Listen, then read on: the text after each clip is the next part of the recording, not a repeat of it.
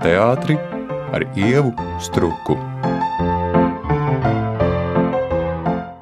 Raidījuma šņurbēniņa viesis šodien ir dēls teātris aktrise Ilza Čuzulas Krastiņa. Prieks tevi redzēt šņurbēniņos, Ilza. Sveiki, Eva!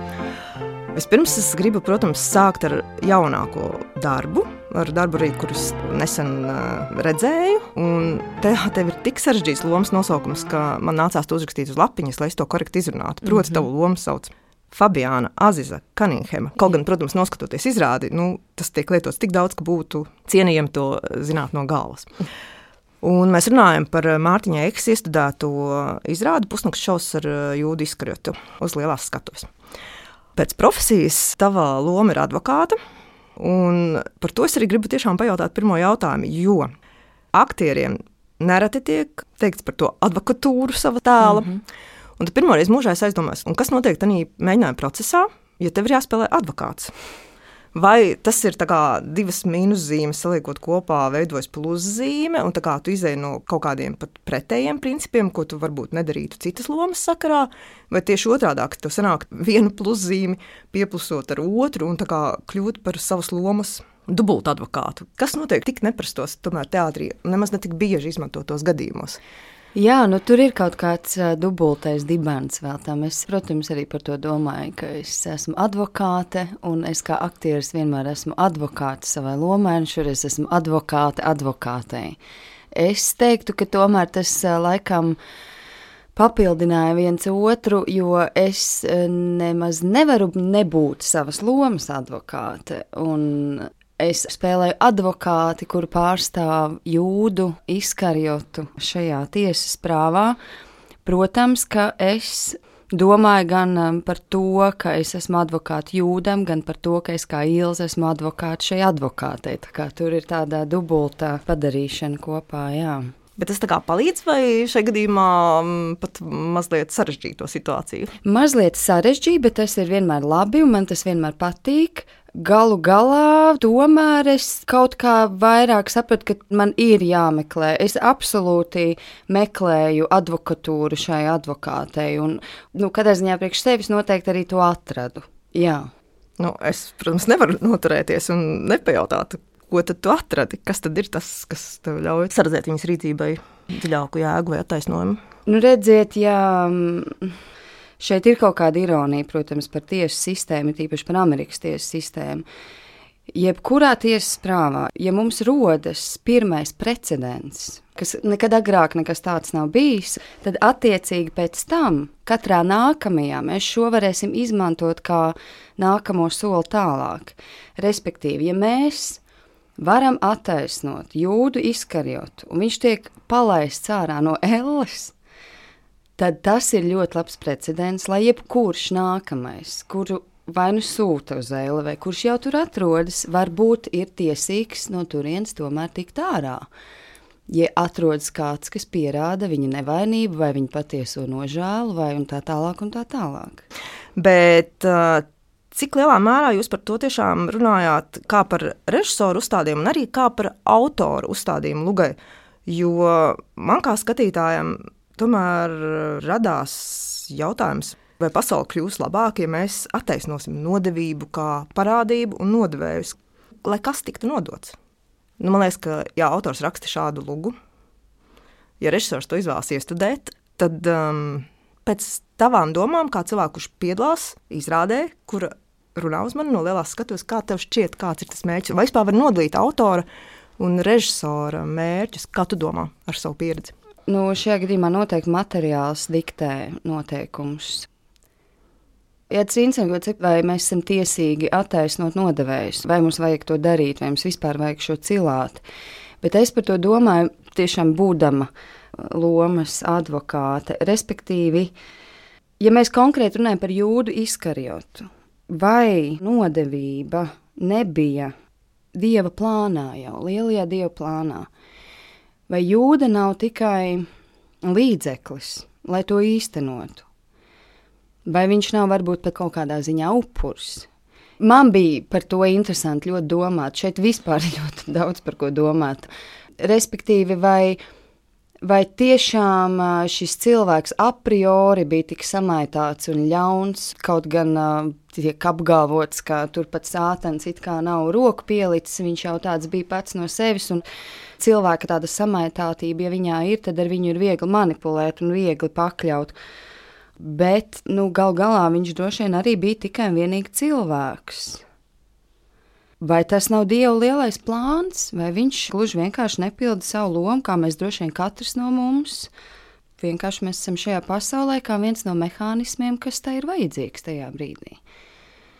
Nu, mēs varētu turpināt šo piemēram arī par to, vai nodevība ir ļaunums. Varbūt tas ļaunums ir rezultāts, bet pats tas process jau faktiski var būt tikpat labi muļķība vai stulbums vai sautīga. Nu, jebkādi citi motīvi ir jā, tie, kas jā, jā. aizved uz to nodevības aktu, teiksim tā, ka tu to izdari. Jā, jā.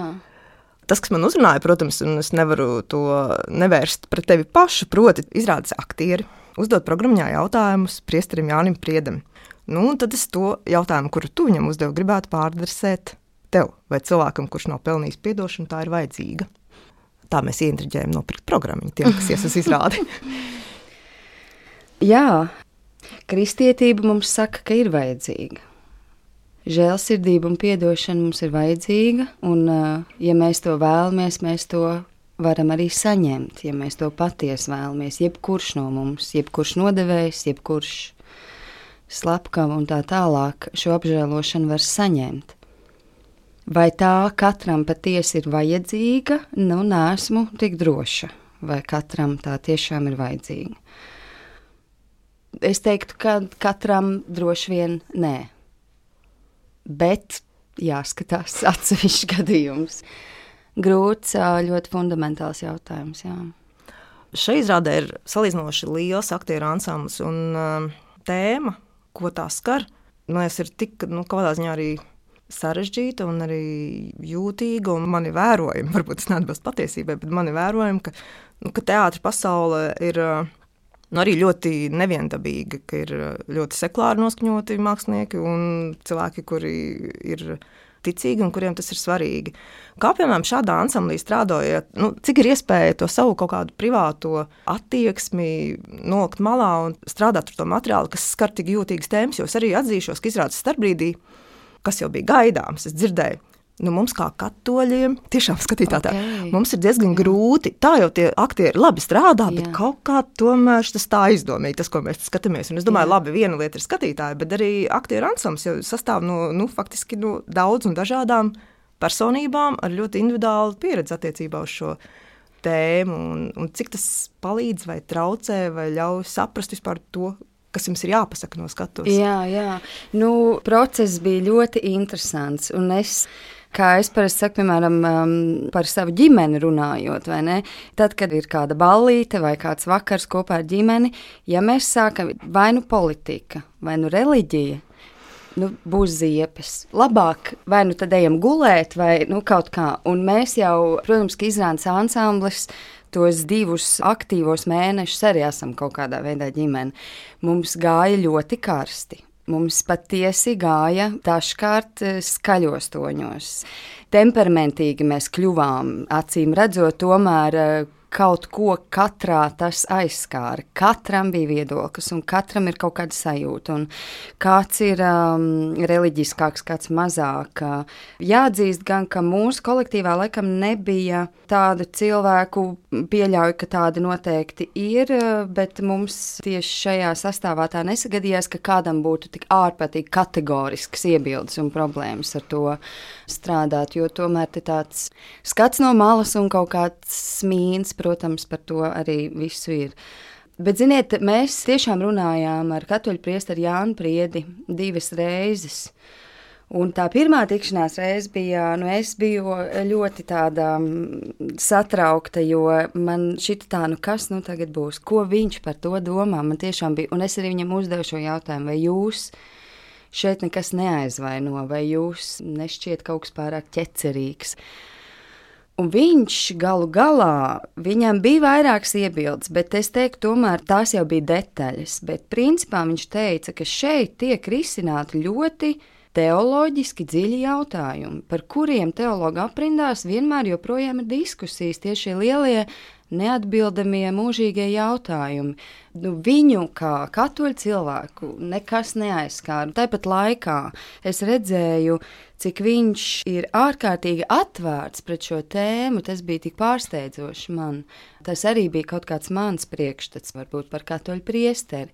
Nē, tas ir um, ārkārtīgi inteliģents humora pilns un atvērts cilvēks. Un, uh, tas, ko viņš stāstīja, un, uh, tas bija tik interesanti. Tā jau ir otrā reize manā dzīvē, kad man ienāk tāda maza doma galvā, ka Dievs, ka varētu to teoloģiju pastudēt. Es uh, apskaužu uh, šos cilvēkus, ka tev ir tāds tas informācijas pamats apakšā, ka tu redzi to kopējo kontekstu. Un jo vairāk tu zini, jo vairāk tu esi atvērts, jo mazāk patiesībā tev ir šie kategorismi. Nu, jā, bet atbildot uz šo jautājumu, mums uh, gāja karsti, karsti. Jā. Mēs uh, strīdējāmies diezgan daudz. Un, um, Un dažkārt kāds apvainojās, kāds krēsls tika arī aizspērts pa gaisu. Bet, bet forši, jā, man tas ļoti patīk. Nē, nu, galvenais, lai teātris inventārs tomēr tiktu saglabāts. Tiktu saglabāts. jo man pašai skatoties, bija tā sajūta, ka kaut kādā ziņā tas materiāls ļoti amerikānisks. Un, mm -hmm. un tur ir, man tur ir maza pretruna, jo tā ir tik īpatnēja sabiedrība. Un es pirmo reizi mūžā arī faktiski aizdomājos par to, ka nu, mēs lietojam jēdzienu, ka Krievija ar prātu nevar saprast.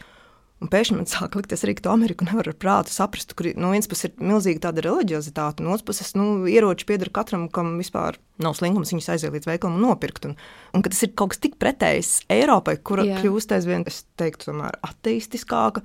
Un tomēr ar ieročiem arī neviens nevicinās. Un, un tās ir tādas divas ļoti dažādas pasaules, un tieši par to tā izrāda arī faktiski ļauj Jā, bābeli kaut kāda. Jā, jau domāt jā. Mm -hmm. par to, kādā globālā un multikulturālā pasaulē mēs dzīvojam. Un tomēr šī izrāde galīgi nav vienīgā, kas pēdējos gados ir tapusi. Droši vien, lai mēs neaizietu tikai tādā diskusijā par jūdu un jēzu Kristu.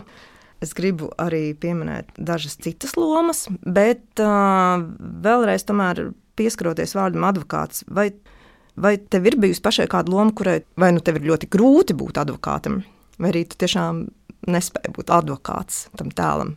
Jo, man liekas, tā ir tomēr tāda ļoti skaista axioma. Mūsos ir viss. Mums tas ir kā aktierim jāatrod, mēs mm -hmm. visu varam attaisnot, jo mm -hmm. mums mhm. ir jāspēj attaisnot. Bet vai tā mhm. tiešām ir? Dažreiz ir grūti, jā, noteikti. Man bija, zini, man bija ļoti grūti ar māsu rečīdu, kāds pārlaidās par zagu slīgstu. Ar to man patiesi bija grūti sākumā, jo mm, nu, man šķita, ka nu, nē, nu, tā nevar Protams, filma, grāmata un tiem, kam tā ir mīļākā, un tādu ļoti daudz, gan grāmatu, gan filmu, ļoti grūti. Saprotu, skatīties e, izrādi, kur tev ir uzbūrta tā pasaule par to tavu grāmatu vai Nikolsons un tā tālāk. Un ja teātris kaut kā aiziet pa citām sliedēm, tad tas var atgrūst. Un manā gadījumā, es domāju, māsa Reči tomēr bija citādāka. Nu, es nevarēju kaut kādu to maigumu, mīlestību neielikt iekšā. Nu, man liekas, nu nevar būt tā, nu, no kurienes tas a priori tā dzels lēdija. Un es tomēr liku kaut kādu mātišķumu, kaut kādu maigumu, režisors to ļāva. Nu, citādi, ja tā pavisam nebūtu, tad nu, būtu pavisam traki. Man būtu grūti. Lūk, runāt par grāmatām ļoti skaisti nejauši uzbūvēja tiltu uz to nākamo lomu, par ko es gribu runāt, protams, par trīs draugiem. Jā. Un Patriciju, man liekas, šī loma ir ļoti skaista pieredze, bet vienlaikus es arī sapratusi, ka acīm redzot, ir kaut kāds vecums, līdz kuram tā grāmata ir jāizlasa, lai tu iemīlētu Patriciju un vispār to stāstu. Bet vienlaikus tā izrāda ir ļoti, ļoti labi apmeklēta. Vismaz tajā reizē, kad es biju, un es neteiktu, ka tā bija jauniešu izrāde. Tā tad, eh, nezinu, vidējās paudzes cilvēki, tādi kā es, iet varbūt pēc kaut kādas nostalģijas, par to, ko viņiem šis darbs ir nozīmējis viņu jaunībā. Bet varbūt tā bija tikai tāda izrāde. Kas ir ar šīs izrādes auditoriju? Vai tā ir gados jauna, vai tu kā aktrise to jūti, spēlējot? Un... Zini, dažādi. Ir bijušas izrādes, viena no pēdējām pat bija, kad visiem trīs puišiem, visiem trīs draugiem tika nēstas puķes no trijām arī ļoti skaistām, bet ļoti jaunām meitenēm. Tas bija ļoti aizkustinoši. Interesanti, vai viņas bija lasījušas grāmatu, varbūt bija tikko izlasījušas grāmatu, vai varbūt lasījis grāmatu, vai vienkārši tas bija Gīns Grāvels, Lauris Zelzīts un Andris Būlis dēļ, kā viņas tur bija ieradušās. Bet tad ir pavisam noteikti arī jāskatīties liela daļa kurai varētu būt tā nostalģija par remarku. Jā. Bet es šo faktiski jautāju tādā laika kontekstā, jo skatoties arī, kas spēlēts, tas pandēmijas laiks, protams, ļoti īpatnējs. Un tad tie trīs draugi tev ieguļas kaut kādā rakstā kopā ar Esiet sveicināts skumjas, Annu. Un, jā, tur viss ir sajūtas kopā. Es nezinu, kurā sezonā bija vairs vai ne, kurš ir kas. Ir, jā. Bet par to laiku ir tā, ka faktiski jautājums ir par dzīves un par skatuves pieredzi. Jo, piemēram, trīs draugos tā ir iespēja būt jaunai, šo jaunēkļu, trīs jau nosaukto mīlētai, un tā ir tā Patrīcijas un Roberta pirmā mīlestība. Bet vienlaikus, teiksim, esiet sveicināts skumjas, tu spēlē Annu, un kurš skatus ir daudz, nu, daudz. Tur vispār nav daudz aktieru, bet mm -hmm. tātad jaunie aktieri. Jā. Un kontekstā ar viņiem, nu, tu esi sieviete ar pieredzi, teiksim jā, tā. Jā. Un kā ir tādā vienas faktiski sezonas vai viena gada laikā, nu jā, sajust to, ka vienā kontekstā tu esi ļoti jauna, vienā kontekstā tu nemaz vairs tik jauna neesi. Nu, ka tev kā kaut ko ir jānoņem no savas dzīves pieredzes, nos, lai izveidotu lomu, un kaut kas atkal savukārt ir vēl jāpiepluso klāt jau esošai pieredzei. Cik par tādu tieši laika kontekstu sanāk domāt, strādājot pie šāda veida lomām? Zinu, jo vairāk gadus teātrī, jo vairāk par laika kontekstu jāsāk domāt. Protams, ka Patricija Holmane vairāk tomēr ietilptu, ja mēs varam runāt tādās lomu kategorijās, tā tomēr ir lieriska varone kuru es domāju, paliks tikai aizvien mazāk. Tā tam vajadzētu būt loģiski. Tāpat laikā es esmu laikam kaut kādā posmā, kad es vēl nejūtos slikti, tā kā paņemot tos, teiksim, pāris gadus nos vai iedomājoties, ka tāds varētu būt, acīm redzot, to vēl var kaut kā atļauties darīt. Bet, teiksim, Anna no um, zaļajiem jumtiem gribēs teikt, no esiet sveicināti skumjas tomēr man šī brīža ilzei ir uh, tuvāka nekā Patricija Holmana. Man ļoti patīk spēlēt Patriciju. Protams, arī Regnārs ļoti labi apzinājās, ka mēs neesam vairs 20 gadnieki, neviens no mums, tur ir tai mīlestībai kaut kāds cits konteksts, protams, bet uh, Anna ir, um, jā, nu man patīk, uh, man patīk, uh, lielas sievietes, šī vārda visās nozīmēs.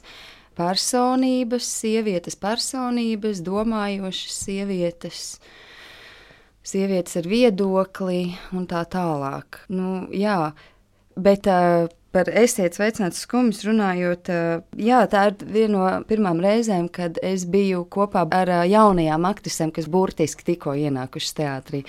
Un, uh, mēs jau paši nejūtam to laika gājienu, un tikai skatoties saviem bērniem un saprotot, ka nāk teātrī iekšā jauna paudze.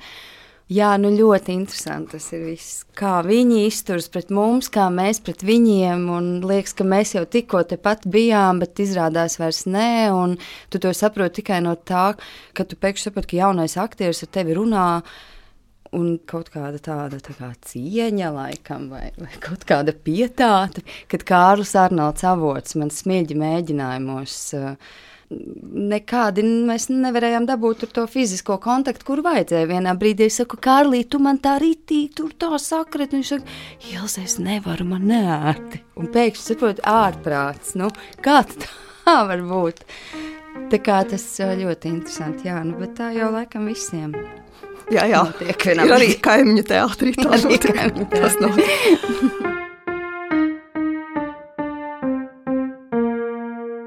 Jūs klausāties raidījumu šņurbēniņa. Tā viesņa - dēls teātris aktrise Ilze Čuzulas Krastiņa. Ar viņu sarunājas Ieva Struka.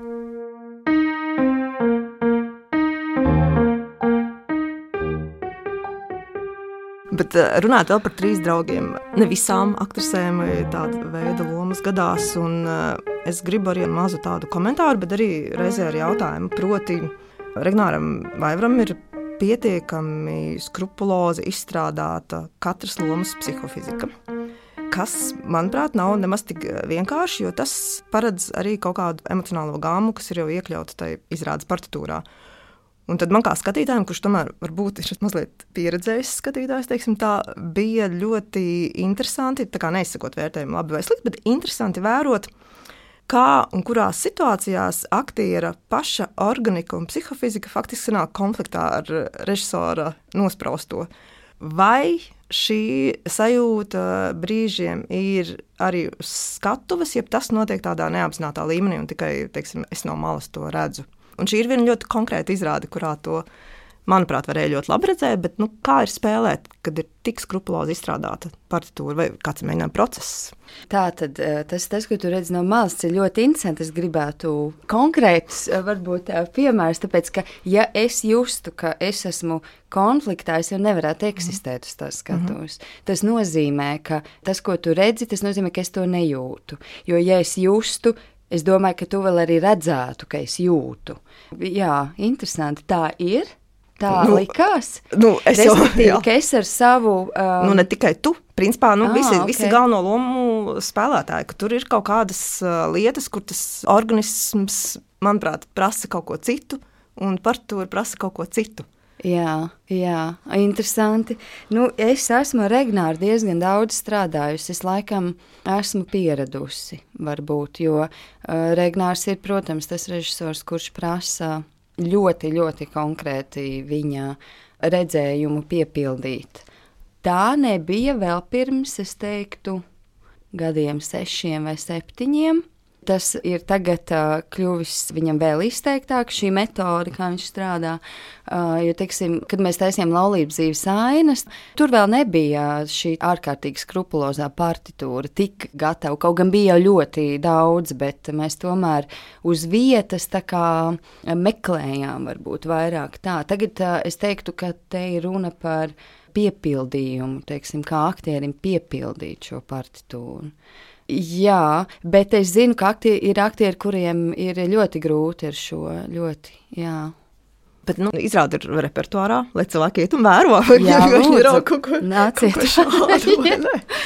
un uh, es biju apņēmības pilna nepieminēt vecākus, bet nu, tā tas spēlē izrādās mīļģis. Nu, ko es varu Kā? darīt? Neko. Nu, neko. Un, ja godīgi, ne par Felci Turneru un Māru Zālīti, bet uh, Es ap citu tiešām par uh, autori iedomājos laika kontekstā, jo tiešām ir kaut kāda tēma, kuru es varētu vilkt cauri viņas varbūt daļai, tad būtu šis jēdziens laiks. Un pieprasījis aizdomājos arī tādā aktieru mūža kontekstā, vai ir tēmas, ko aktieris arī pats var sev nodefinēt, ka tā ir tā viņa tēma, ko viņš spēlē cauri tik dažādām lomām un darbiem. Un varbūt nevar. Varbūt eh, tā ir mana kā skatītāja sajūta. Bet eh, jā, man ļoti gribējās tieši tāpēc pajautāt, ka es sāku domāt par izrādes mīļģis, par māru zālīti, par laiku. Un arī, protams, par to, ka, teiksim, runājot par uh, pusnakts šovu, tad nu, mēs runājam par 2000 gadus senu jautājumu. Teiksim, mm -hmm. tā. Mhm. Varbūt tāpēc man šis jautājums radās, un es laikam pat īsti nevienam citam savam sarunu biedram neesmu pajautājis, vai ir kāda tēma, kas ir tā tava tēma, kā aktrisei. Jeb tas tiešām uz aktieriem nedrīkstētu attiekties tādu vienu tēmu. Tāda caurvīja caur tēma, tēma, vai tev pašai ir tāda? Mm. mūžam. Mm. Nu, labi, pusmūžam. Pusmūžam. pusmūžam. Jā. Es teiktu, ka tāda tēma noteikti ir gan bet varbūt tā nav apzināta, varbūt tā ir kaut kādā zemapziņā. Nevis kaut kādā, bet katra zemapziņā. Varbūt tas ir tas, kāpēc katrs no aktieriem dara šo darbu. Un uh, šis kāpēc noteikti katram ir atšķirīgs. Es ceru, ka šī tēma varētu būt, nu, tam tā vajadzētu būt, ka tā ir jēgpilna, ka tā ir vienmēr ar vēlēšanos pakāpties vēl solīt augstāk, vai, vai vienkārši, teiksim, pēc pusmūža, aktiera pusmūža godīgi sev atbildēt uz jautājumu, ko es daru šajā profesijā. Pavisam godīgi atbildēt. Vai es neesmu kaut kā nonivilējis šo priekšstatu par profesiju, vai teiksim, kā tas atšķiras tad, kad es sāku un kāds tas ir tagad, ko es daru teātrī. Kāpēc es esmu teātrī vēl joprojām pēc gandrīz 15 gadiem? Es teiktu, ka tāda tēma noteikti ir, bet tagad par to runājot, man ienāca prātā, ka tomēr tā mana tēma varētu būt ļoti konkrēti, ka tas tomēr ir mans teātris, ka tas ir Dailas teātris.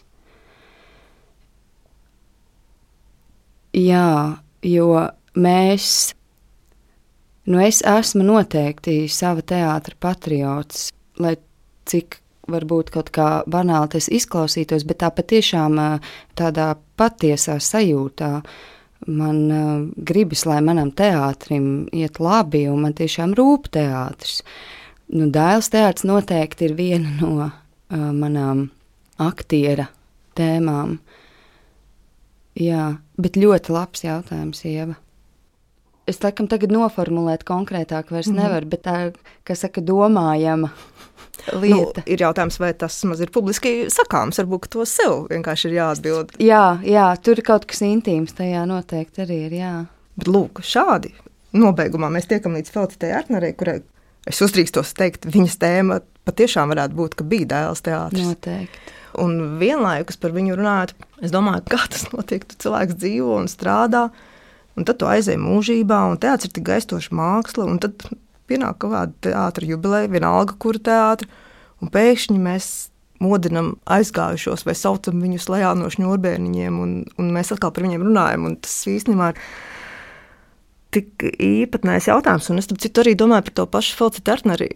Un it kā droši vien tas atbilst lielā mērā patiesībai par to, cik ļoti viņa bija tas nu, otrais cilvēks vai palīgs, vai visu laiku paliekot arī fonā, atsakoties, upurēt un tā tālāk. Un no otras puses, nu, maniem dzīves gadiem arī ejot klāt, domāju, bet viņš bija ļoti stiprs cilvēks. Mm -hmm.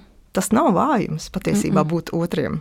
Īstenībā tas ir milzīgs, garīgs spēks būt nu, tuvumā tādam cilvēkam, kāds bija smilģis. Mm -hmm. Pat ja viņi sadalās sešās daļās, nu, tiem, kas nav redzējuši izrādes smilģis, tad jāsaka, ka dēls teātris izrādē smilģis materializējas vairākās personībās. Mm -hmm. Bet par Felicitu Artneru gribas domāt, ka tā vēl ir tēma, kur arī varētu risināt. Uh, priekšdienās, varbūt pat no kaut kāda vēl cita skatu punkta, par ko mēs varbūt nemaz tik ļoti neesam domājuši. Bet tas, kādēļ es ar to gribēju noslēgt šo sarunu, bija nu, iztēlojies, nu, dēls teātrim 200. Nu, strādā režisors X, vada teātri. Mm -hmm. Un viņam jātaisa par dēls teātra simto sezonu. Mm -hmm. Kā tev šķiet, kādu mēs varētu atveidot teātra tā brīža vadošo aktrisu Ilzi Čuzuls Krastiņu? Kāda varētu būt šī varone, kā tēls? Oh. Ko būtu svarīgi zināt? Kaut vai vienu lietu par šo aktrisu. Jā, nu viens ir tas, ko redz skatītājs vakaros, eh, vērodams izrādi, bet tas, kāda patiesi bija Ilza Čuzuls Krastiņa aktrise, to redz tikai viņas kolēģi katru vakaru un pārējie tajā darbinieki. Ilze Čuzuls Krastiņa vienkārši bija tiešām ļoti laimīga un lepna, ka viņai bija visi šie līdzcilvēki. Cilvēki, ar kuriem es esmu šobrīd darbā kopā, es esmu ļoti lepna, ka es ar viņiem varu būt un pateicīga, ka es esmu viena no viņiem. Un dažkārt ir ja vēl joprojām grūti noticēt, ka es esmu tur starp viņiem. Un tas, ka es viņus ļoti novērtēju, mīlu un cienu. Iespējams, ka viņi to jūt, es ceru. Un kāds varbūt to atcerēsies pēc simts gadiem, ka tā tas bija. Nu, visādā ziņā viņiem atliks tikai pameklēt šņurbēniņu ierakstu. Lielas paldies, tev, Vils, ka tu atnāci uz sarunu. Paldies!